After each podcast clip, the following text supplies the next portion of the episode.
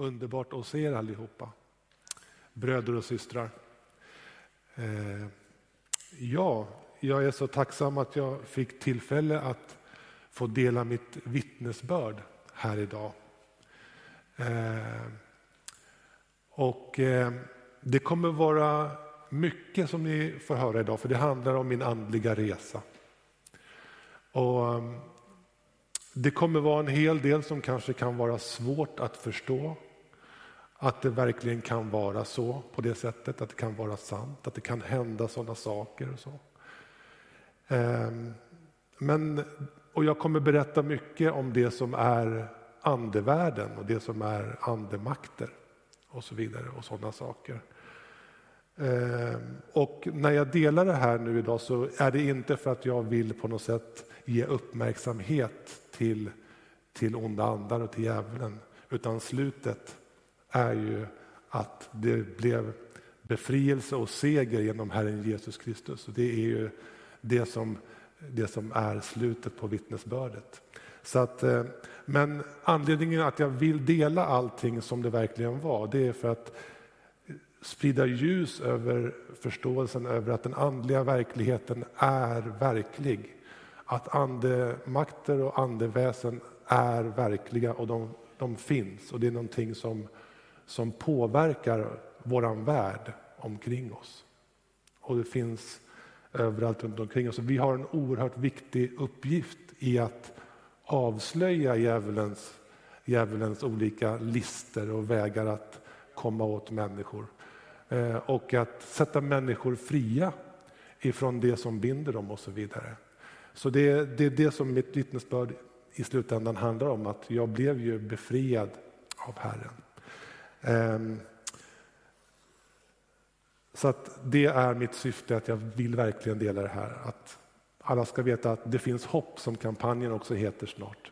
Det finns en väg ut. Om man har varit i sådana här omständigheter med att inom new age eller inom eh, andra andliga eh, vägar så att säga, så, så, eh, så finns det en väg ut om det är så att man har hamnat där.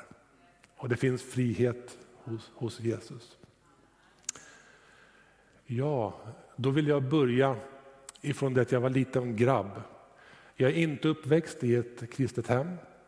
Ehm, däremot så hade jag en, en mamma som trodde på ett liv efter döden. Ehm, och det trodde hon på därför att eh, hon hade upplevelser som hon upplevde det då av att hon fick besök av sin gamla mormor då och då i hemmet. Eh, och det var ingenting som hon sökte efter. Det var ingenting som eh, hon på något sätt eh, ja, frågade efter, utan det bara hände, berättade hon. Hon kunde stå i köket och diska och så upplevde hon bara att hon inte var ensam. Och så hade hon, som hon beskriver, en kommunikation med sin mormor. Och hon berättade det här för mig när jag var liten grabb, när jag var bara kanske 6-7 år gammal. Och det gjorde att jag blev väldigt oj, fascinerad och tänkte, jaha, okej, då, då, är det ju inte slut när vi dör. Oh, så det, det, blev ju någonting och det var någonting spännande och någonting som kittlade liksom och spännande. Och det gjorde att jag började läsa allt jag kunde komma över vad gällde just eh, litteratur, tidningar och böcker om just eh, Eh, den andliga världen, liksom, och andar och spöken och sådana saker. Så det var saker som jag tidigt började intressera mig mycket för. Eh, och jag var även delaktig i att göra vissa, vissa saker som till exempel någonting som kallas för anden i glaset och så, att man söker ande, svar ifrån andevärlden och sådana saker. Och eh, tidigt så började jag också intressera mig för naturfolken världen över och framförallt Nordamerikas indianer. Då. Det var, när jag var grabb så var det ju familjen McKayen på tv och då såg man ju cowboys och indianer och så. Eh, och, och, indianerna fascinerade mig. Så jag började också där sluka allt jag kunde komma över i böcker och litteratur om, om just indianerna och deras liv och deras tro och religion och allting som tillhör deras kultur. Och det gjorde ju att jag började snabbt bli väldigt fascinerad utav, utav schamanerna, då, utav medicinmännen och schamanerna i de här kulturerna, för de hade ju kontakt med andevärlden. Och det var någonting som jag då blev väldigt fascinerad av.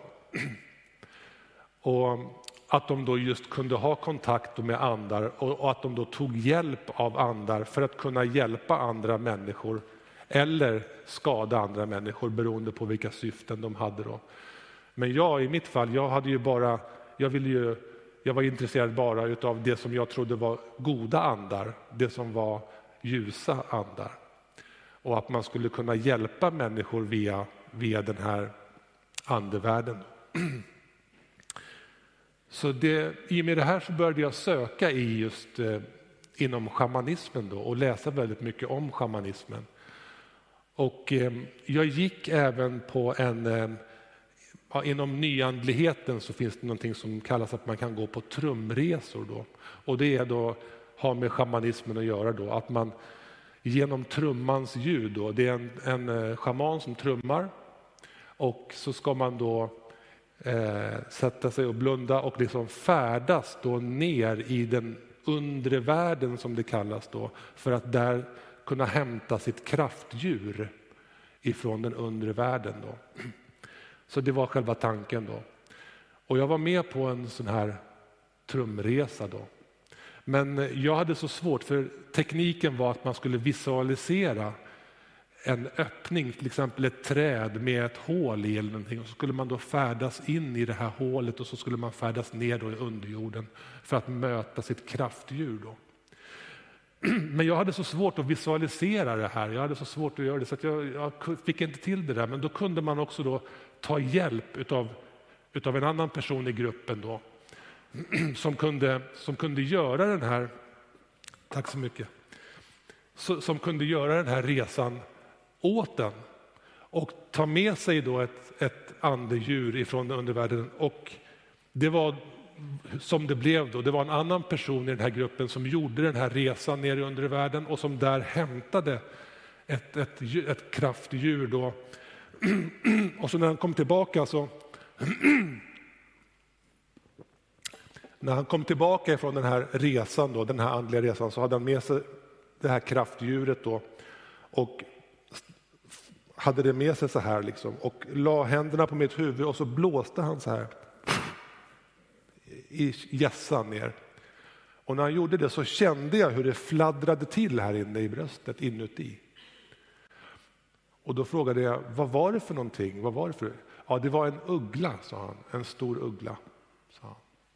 Jaha, okej. Okay. Så då hade jag då fått mitt kraftdjur. Då.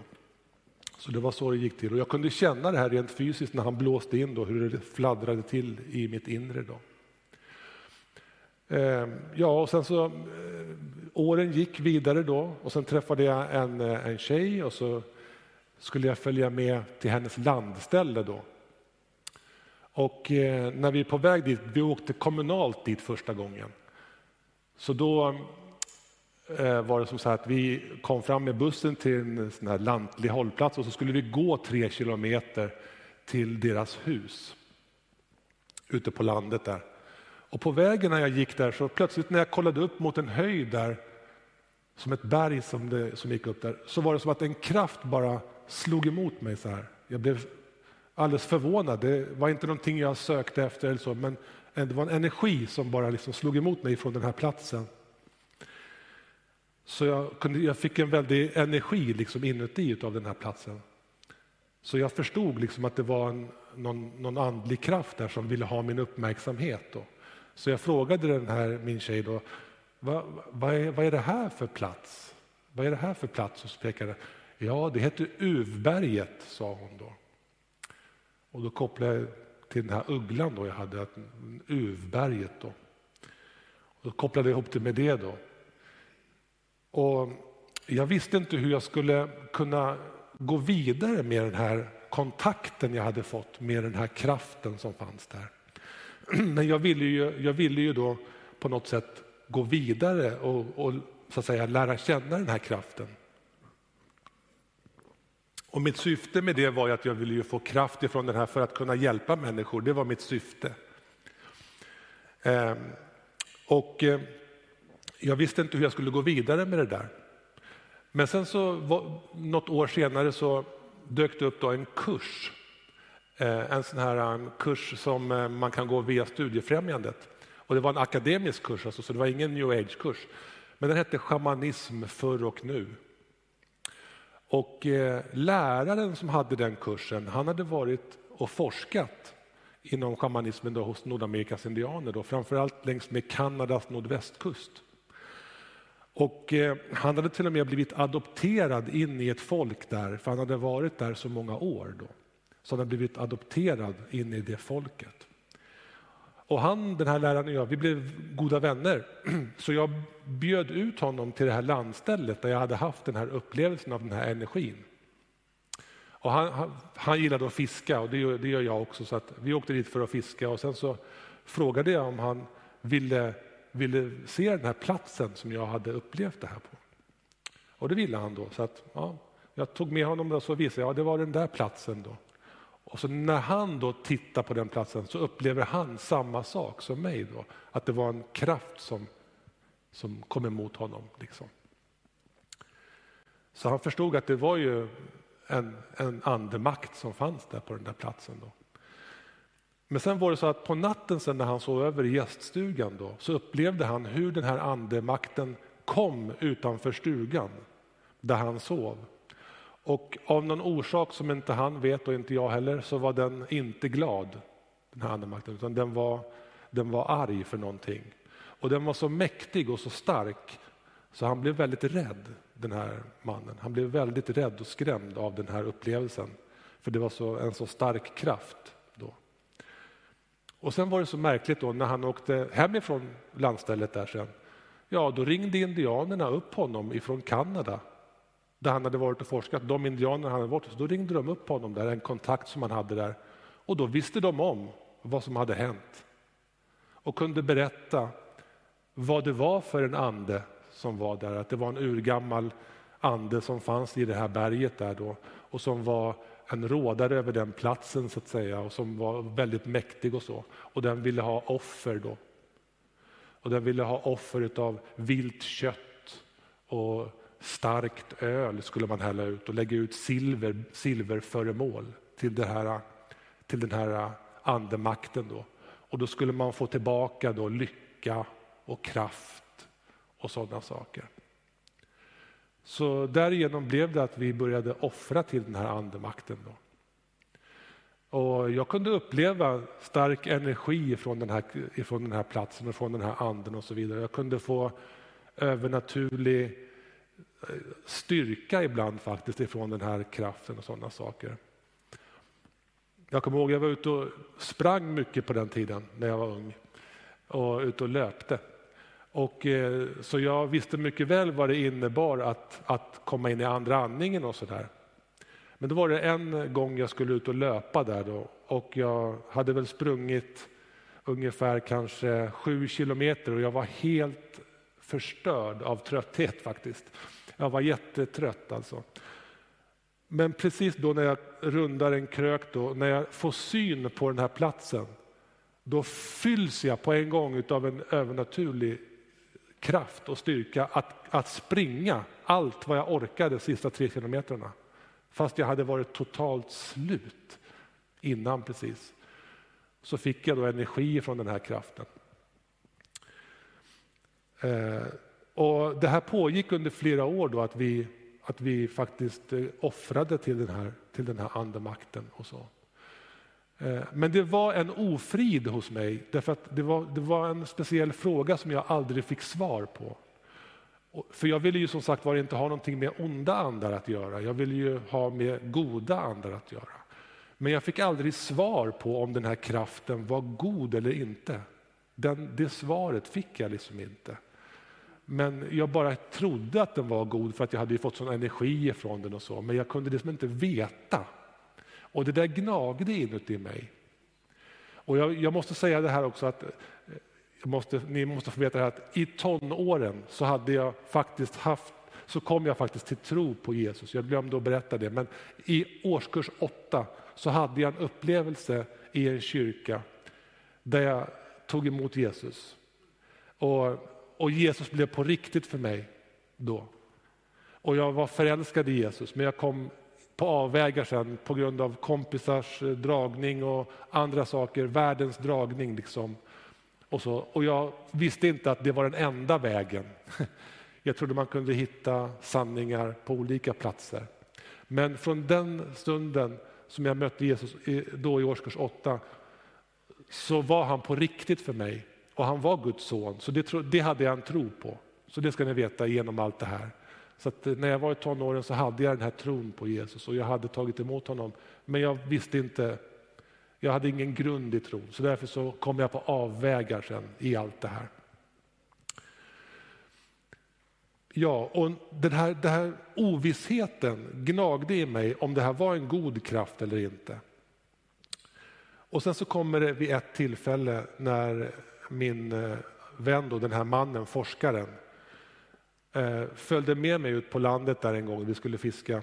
Så säger han till mig att då hade de ringt från eh, indianerna hade varit i kontakt med honom igen och pratat om mig med honom. Och sagt, de hade sagt till honom att din vän där, om han vill komma djupare i relation med den här andemakten som finns där, då kan han inte ha en sån där stark kristen tro som han har.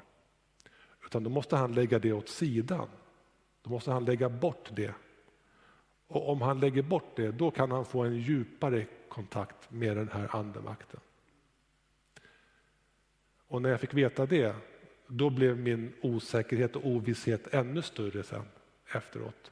En ännu större eh, oro och, och, och eh, ofrid inuti. Vad är det här? Varför ska, jag behöva, varför ska jag behöva lägga bort Jesus? För han stod ju då också för mig för det som var det rent goda och ren, den rena kärleken och så vidare. Så varför ska jag behöva lägga bort det? Det är någonting som inte stämmer här. Så det, var, det blev en, en stark oro inom mig. Och jag gick och tänkte på det där på landet där och den här oron växte. Och när jag, när jag gick där för mig själv vid ett tillfälle, ett par veckor senare, när jag gick till den här oron och tänkte vad ska jag göra? För att jag hade ju börjat offra till den här andemakten. Och jag visste det att man kan inte bara sluta offra till en andemakt, för då vänder de sig emot den. Och då kommer det bli inte roligt. Så det fanns en rädsla också där. Och jag gick där och undrade vad ska jag göra nu? Vad ska jag göra nu? Det här kanske inte är, det kanske är en ond andemakt och så vidare. Ja, vad ska jag göra? gick jag och tänkte där. Och då förstår jag nu att den heliga ande talade till mig vid det tillfället när jag gick där i den här djupa oron. För då fick jag höra en, som en röst inuti som sa, ja men läs Bibeln. Läs Bibeln. Och det hade jag inte gjort sedan många år tillbaka i tiden. Och så jag lydde den där maningen och tog fram Bibeln och öppnade Bibeln och började läsa och jag bara visste att det jag läste var sant, sanningen. Det var som att Gud öppnade mina ögon, som att jag förstod bara att det var sant det jag läste. Och i och med det här så blev min synd i mitt liv också, det som jag hade i mitt liv som var synd. Dels att jag hade tillbett andemakter och offrat till andemakter, men även andra synder blev belysta av Gud. Så jag fick en enorm syndanöd och visste att om jag inte kommer till Gud, om jag inte kommer till, till Jesus, då, finns, då, då, är jag, då, är jag, då kommer jag hamna i helvetet. Då, då är jag förlorad. Och det var en sån djup övertygelse att jag måste komma till Gud om jag ska kunna bli räddad. Och då kom jag att tänka på en gammal vän till mig som kanske 12-13 år innan hade blivit frälst och försökt att vittna till mig. Och då var vi på samma spår och sökte andevärlden och så. Och jag kom att tänka på honom, jag måste få tag på honom. Jag måste få tag på honom, för vi hade gått skilda vägar då när jag inte lyssnade, när jag inte tog emot. Liksom. Och så kom jag att tänka, jag måste få tag på honom. Så jag lyckades få tag på honom och vi möttes, vi träffades då. Och eh, jag fick berätta min, min historia. Och eh, jag berättade om min nöd, för jag hade fortfarande en stor nöd för min själ. Vad ska jag göra? Och, då så sa han till mig, ja men Kent, Jesus dog ju för dig. Han har ju tagit dina synder och han har ju gjort allt för dig. Du behöver bara be om förlåtelse från hjärtat och ta emot honom och tro på honom, vad han har gjort för dig. Och han visade mig från skriften de bibelställen där det stod att Jesus hade tagit på sig våra synder och skulder och dött för oss. Och när jag läste och när jag trodde och när jag tog emot så lossade den här bördan ifrån mina axlar. Och den här syndanöden försvann. Och vi, vi började be tillsammans i rummet där vi var. Vi började be tillsammans. Och då kom Herrens ande in i rummet. Och jag blev fylld av den heliga ande och jag kunde känna det fysiskt ifrån fötterna hur den steg upp genom benen och upp, upp, upp så här. Och när den kom hit upp så var det någonting annat här inne som inte ville vara kvar längre, som inte kunde vara kvar längre. Och det började röra på sig så här inuti bröstet, och det kom upp i halsen så jag ville, jag ville få ut det där.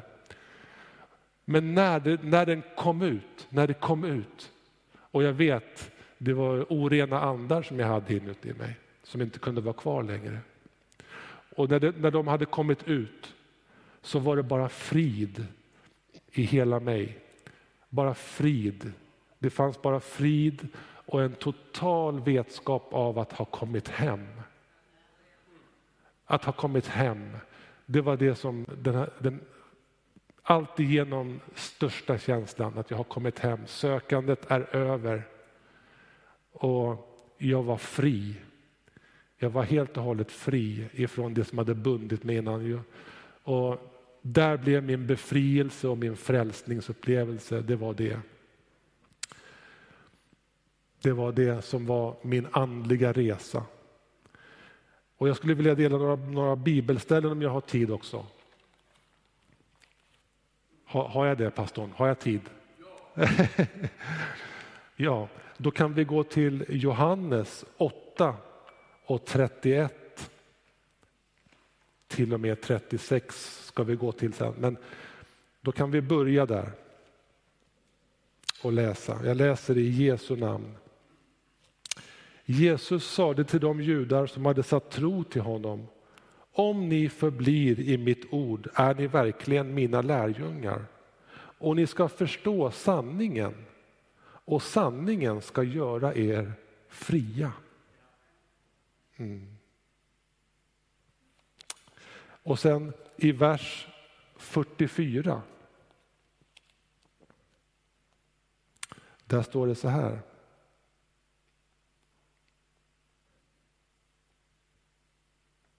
Och då säger han om, om djävulen, så säger han så här, Jesus. Att han har varit en mördare från början och har aldrig stått på sanningens sida eftersom sanningen inte finns i honom. När han talar lögn så talar han av sitt eget. Han är en lögnare, ja, lögnens fader. Och Det var det här som jag upptäckte, för jag trodde ju att det var någonting gott i det här. Och människor runt omkring mig som också sökte i det här trodde också på att det var någonting gott och de hade upplevt olika saker. Men det var en lögn faktiskt. Och det här säger jag inte för att jag vill fördöma andra människor, för att det finns en slöja som vi kommer läsa om senare. Det finns en slöja över människor som man vet inte, man förstår inte.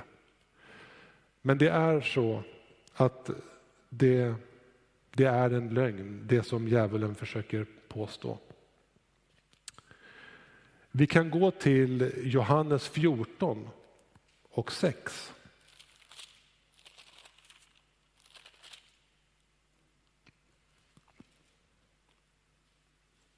Och då är det Jesus som talar, vår älskade Herre. Jesus sade till honom, jag är vägen, sanningen och livet. Ingen kommer till Fadern utom genom mig. Mm. Jag trodde det fanns flera vägar. Och jag trodde man kunde komma till Fadern på olika sätt. Men det var inte sanningen. Det var inte sanningen.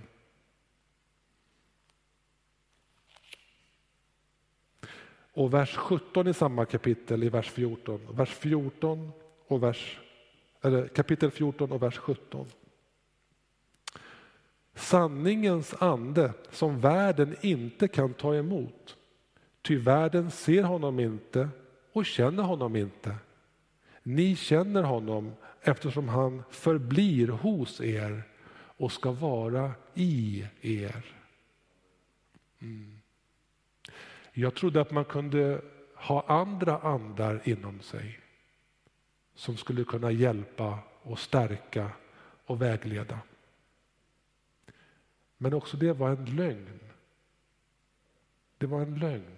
Därför att djävulen, han är en lögnare och han vill försöka efterlikna Gud i alla sina vägar och göra alternativa vägar. Och försöker göra samma saker som Gud. Han påstår att vi kan ha andra andar till hjälp, andra andar inom oss. Men kära vänner, det är orena andar. Det är orena andar. Och sen har vi i Apostlagärningarna 4 och 12.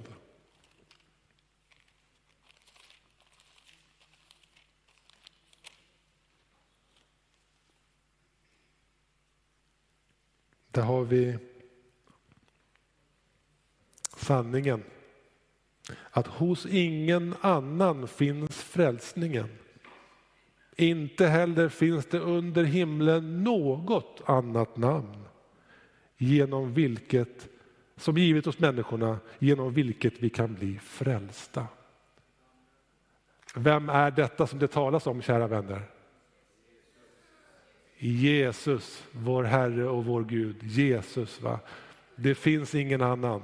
Vår älskade Jesus. Mm. Och eh, Sen kan vi gå till Apostlagärningarna kapitel 19, vers 11 till och med 20.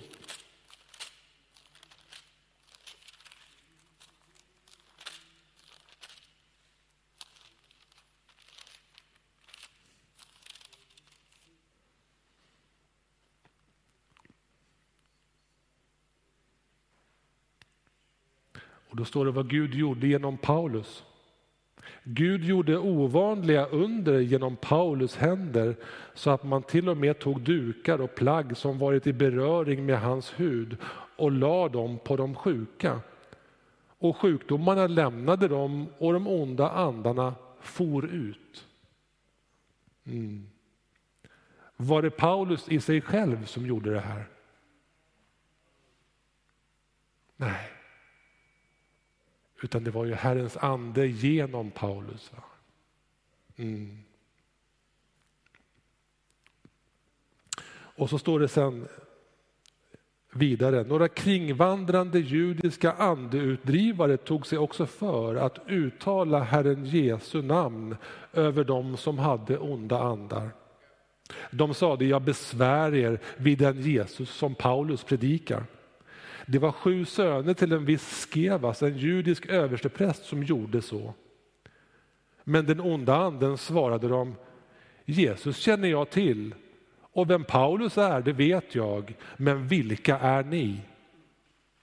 Och mannen som hade den onda anden kastade sig över dem, övermannade alla och misshandlade dem så svårt att de måste fly ut ur huset nakna och blodiga. Mm. Ingenting att leka med den här, den här andliga verkligheten. Ingenting som vi i oss själva som vanliga människor har någon som helst möjlighet att övervinna eller över, att ha någon kraft över i oss själva. Ingen av oss. Ingen av oss. Bara genom den helige Ande. Den helige Ande som satte mig fri. Det var därför jag hade den här överskriften att den helige ande, frihetens ande. Mm.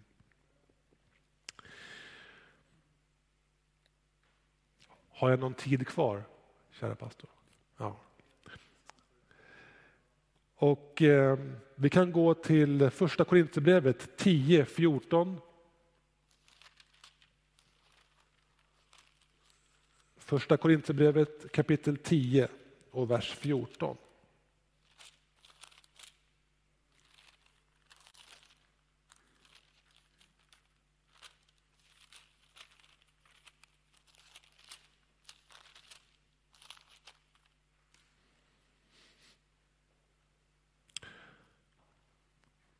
Och då säger Paulus så här. Därför mina älskade, fly bort från avgudadyrkan, säger han. Fly bort ifrån avgudadyrkan. Mm. Och sen i vers 20. Nej, vad hedningarna offrar, det offrar de åt onda andar och inte åt Gud. Och jag vill inte att ni ska ha någon gemenskap med de onda andarna. Ni kan inte dricka både Herrens bägare och onda andars bägare.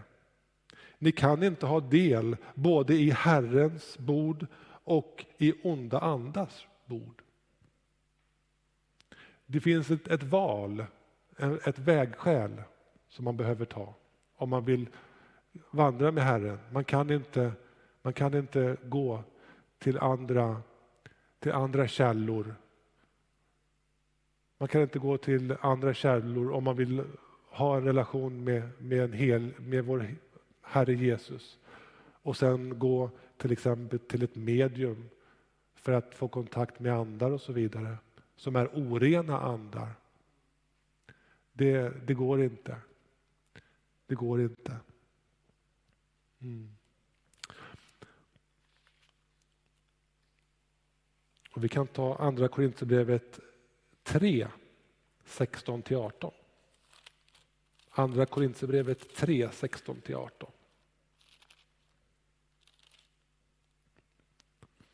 Och här står det om den här slöjan som finns. För jag vill inte tala fördömelse över människor som inte känner Herren. Därför att jag vet själv, jag kände inte Herren och jag var ute på avvägar och jag förstod inte bättre. Så det här handlar inte om att döma, men det finns en slöja och man kan inte se klart.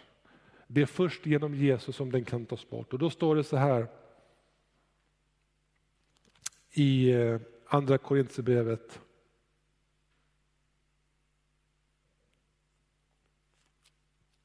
tre och sex, nej, 17 och framåt. Eller från 16, vers 16 och framåt. Men när helst någon omvänder sig till Herren tas slöjan bort. Herren är anden och, herrens, och där Herrens ande är, där är frihet. Och vi ska alla som med avtäckt ansikte skåda Herrens härlighet som i en spegel. Vi förvandlas till en och samma bild, från härlighet till härlighet. Och det sker genom Herren, Anden. Mm.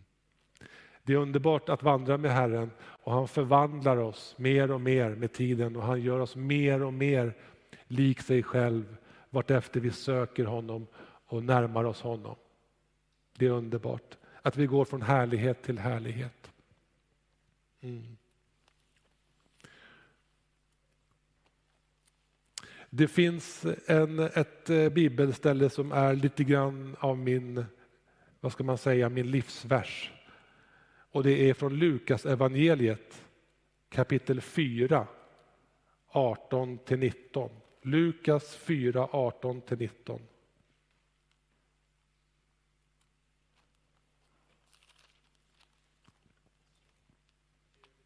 Och det är vad Jesus själv säger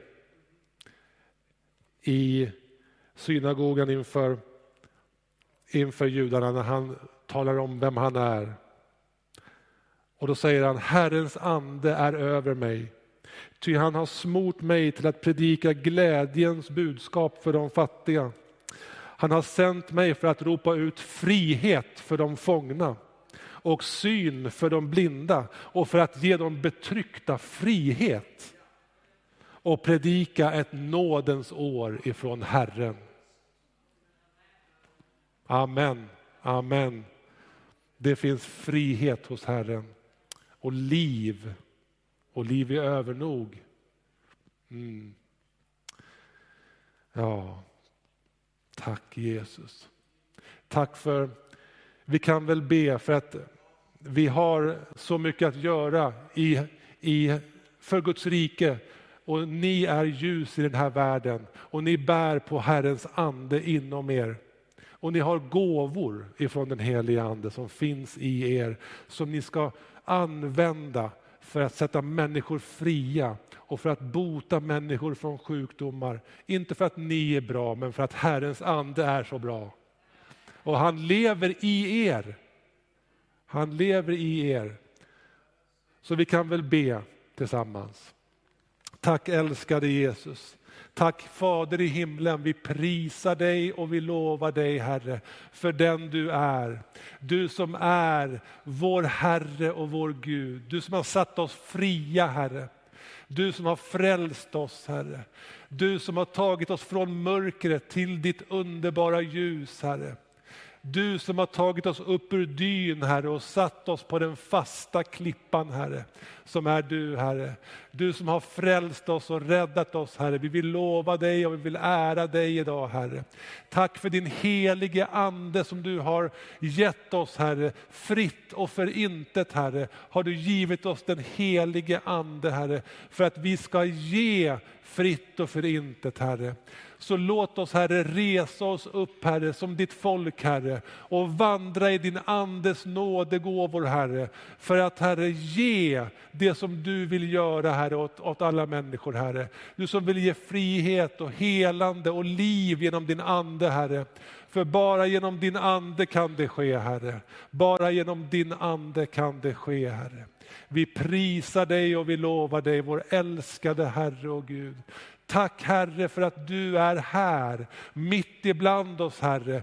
För att Herre, för att fylla oss med din ande Herre. Vi prisar dig och lovar dig Herre. Tack Herre för frihet i din helige Ande. Tack för liv och läkedom Herre åt var och en som är här. Frihet i Jesu namn och liv och läkedom till kroppar och själar i Jesu Kristi Nazarens namn. I Jesu namn. Tack Jesus, tack Jesus. Tack Herre, tack Fader i himlen. Amen. Amen. Amen. Tack